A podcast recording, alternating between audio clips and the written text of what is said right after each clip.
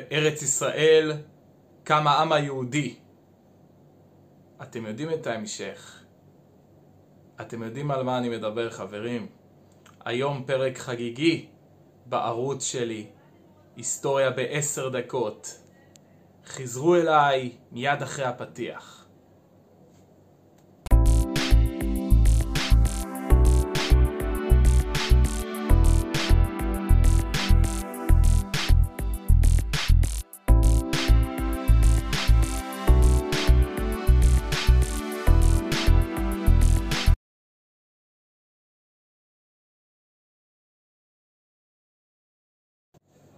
ברוכים החוזרים חברים לערוץ שלי היסטוריה בעשר דקות. שמי טל היום אנחנו נדבר על הכרזת העצמאות של מדינתנו היקרה. חברים, אה, מי שעוד לא עשה, להיות ילד טוב, לעשות לייק, לעשות subscribe לערוץ זה לא עולה לכם כסף, זה בדיוק שנייה של אה, תשומת לב וזה משהו שייתן פוש ודחיפה לערוץ שלי, לערוץ שלכם, אתם גם מבחינתי שותפים אה, לערוץ הזה. והיום אנחנו נדבר על הכרזת העצמאות. אז הכרזת המדינה, יום שישי, 14 למאי 1948, בתל אביב, ברחוב רוטשילד, הוכרזה ההקמה על מדינת ישראל. רקע קצר, כ"ט בנובמבר 1947, בהתאם להחלטה של ועדת אונסקופ, שזוהי ועדה מיוחדת שקמה באו"ם, האו"ם התכנס כדי לדון בשאלה האם יש לחלק את ארץ ישראל למדינה יהודית ומדינה ערבית. ואז ביום כ"ט בנובמבר 1947 הייתה הצבעה גדולה. בהצבעה, בסיומה, זה מה שאתם זוכרים, אוסטרליה, יס, וכל אלה.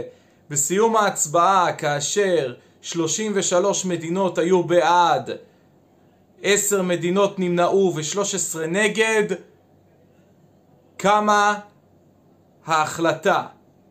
יש לחלק את ארץ ישראל ליישוב יהודי ויישוב ערבי. בהתאם למסקנות ועדת אונסקופ, שבסופו של דבר אה, המסק... הוועדה אושרה, התוצאה של הוועדה, מה שהמליצה זה אושר בסוף ההצבעה על ידי 33 המדינות שהיו בעד.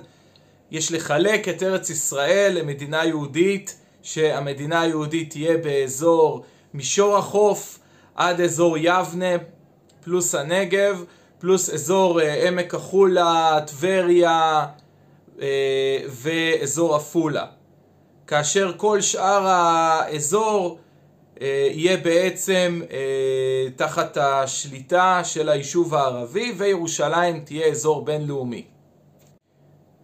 היישוב היהודי התחיל בחגיגות אדירות כאשר היישוב הערבי באות, שבאותה תקופה בארץ ישראל אה, הגיב בזעם להחלטה של האו"ם, התחילו התפרצויות והתנכלויות ליישוב היהודי ואז בעצם התחיל השלב הראשון של מלחמת העצמאות כאשר השלב הראשון היה סוג של מלחמת אזרחים בין היישוב היהודי באותה תקופה ליישוב הערבי באותה תקופה. היישוב היהודי שרובו הגדול היה עדיין באופוריה מאוד מאוד גדולה בעקבות ההחלטה על החלוקה. חבר'ה, יש לנו סוף סוף מדינה משלנו שקיבלה הכרה, הכרה בינלאומית מהאו"ם. אז היישוב היהודי, אפילו תוך כדי הקרבות בעצם, עסק בהקמה של כל מיני מוסדות שלטוניים, החל ממועצת עם, מועצת עם זה בעצם באותה תקופה היה המוסד העליון אה, של הנהגת היישוב היהודי בארץ ישראל ומנהלת עם, מנהלת עם גוף יותר מצומצם, מאוד מזכיר את הממשלה של היום. זו הייתה מעין ממשלה זמנית אה, לקראת הקמת המדינה. עכשיו, בסופו של דבר, אתם צריכים להבין מה קרה באותה תקופה הייתה דילמה ענקית ביישוב היהודי שאני לא אגזים אם אני אגיד שזה אולי הדילמה הכי אה, משמעותית ואדירה בהיסטוריה שלנו כמדינה. הדילמה הייתה בעצם האם לנצל את המומנטום שהאו"ם כבר הכיר בנו, הכיר בנו ביישוב, ה... בזכות שלנו, של היהודים בארץ ישראל, ולהכריז על הקמת המדינה. מצד שני, אנחנו מדברים על עיצומה של מלחמת העצמאות, של קרבות. היה לחץ גדול גם, צריכים להבין, מצד העולם ובראשם אה, ארצות הברית, לחכות עם ההכרזה על הקמת המדינה, לדחות אותה מהסיבה פשוטה. אם אנחנו נכריז על הקמת אה, מדינה, זה יהיה סוג של לתקוע אצבע בעין ליישוב הערבי באותה תקופה בארץ ישראל, ובכך לגרום, מה שנקרא להוסיף אה, לא רק ש, שמן למדורה, בנזין למדורה, בכך לגרום לזה ששאר מדינות ערב עלולות לפלוש לארץ ישראל מהעצבים של איזה חוצפנים אנחנו שהכרזנו על הקמת המדינה, ובכך להעצים את המלחמה בינינו לבין הערבים באותה תקופה. ב-12 למאי, בלילה, התכנסה מנהלת העם, וחברים, תופים, מתח, ברוב של שישה אנשים מול ארבעה, כאשר בראש השישה דוד בן גוריון שלנו. רוב של שישה מול ארבעה, בסופו של דבר, ש... בסופו של דבר הוחלט להכריז על uh, הקמת מדינה, מה שנקרא זה עכשיו או לעולם לא, זו הייתה גישה מנצחת, זה הזמן, זה ההזדמנות, אם לא נכריז עכשיו על הקמת המדינה, אם לא ננצל את המומנטום, כנראה שלא נכריז בכלל על הקמת מדינה.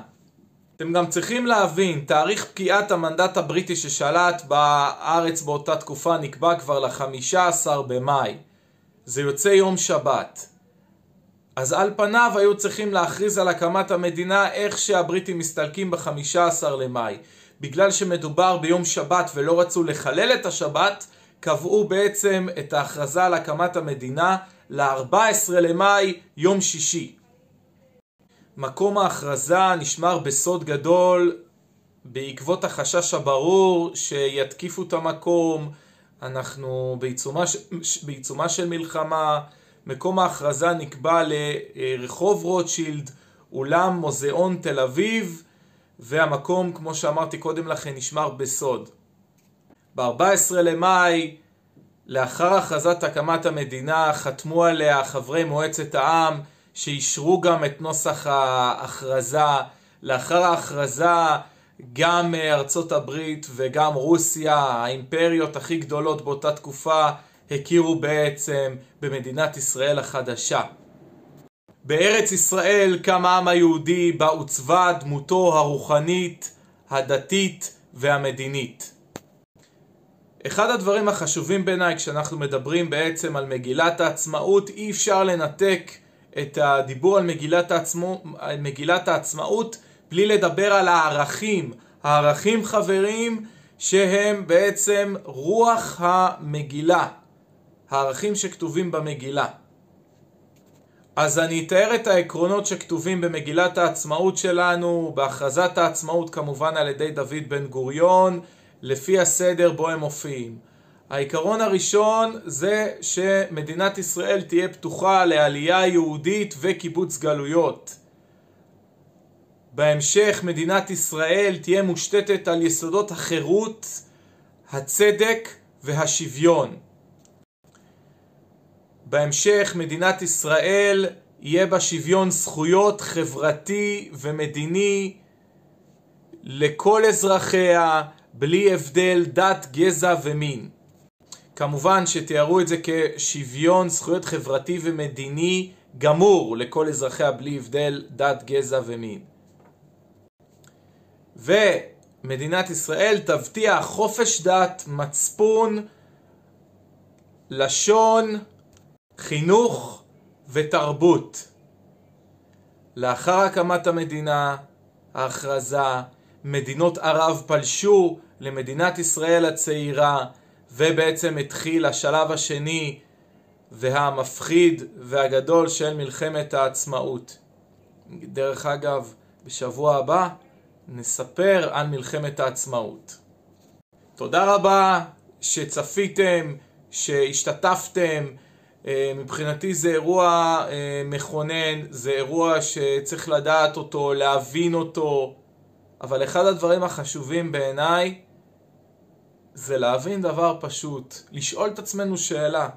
תשאלו את עצמכם, האם מדינת ישראל של היום, שנת 2021, האם הערכים עליהם דיברתי, שהערכים שמוכרזים במגילה, האם אותם ערכים מקוימים הלכה למעשה במציאות היומיומית הישראלית?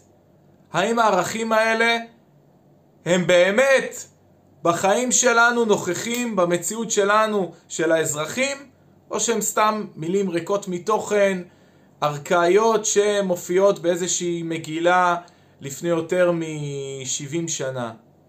תשאלו את עצמכם את השאלה הזאת. תודה רבה שצפיתם בשבוע הבא על מלחמת העצמאות. אני הייתי טל, ערוץ היסטוריה בעשר דקות. תודה. היכנסו גם לדף אינסטגרם של ערוץ היסטוריה בעשר דקות. קישור לשם בעברית וגם לשם באנגלית מופיע בדף הראשי של הפודקאסט. חבר'ה, עזרו לי להפיץ את הבשורה הלאה, היכנסו ועשו פולו.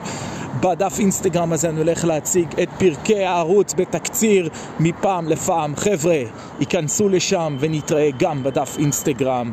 נתראה.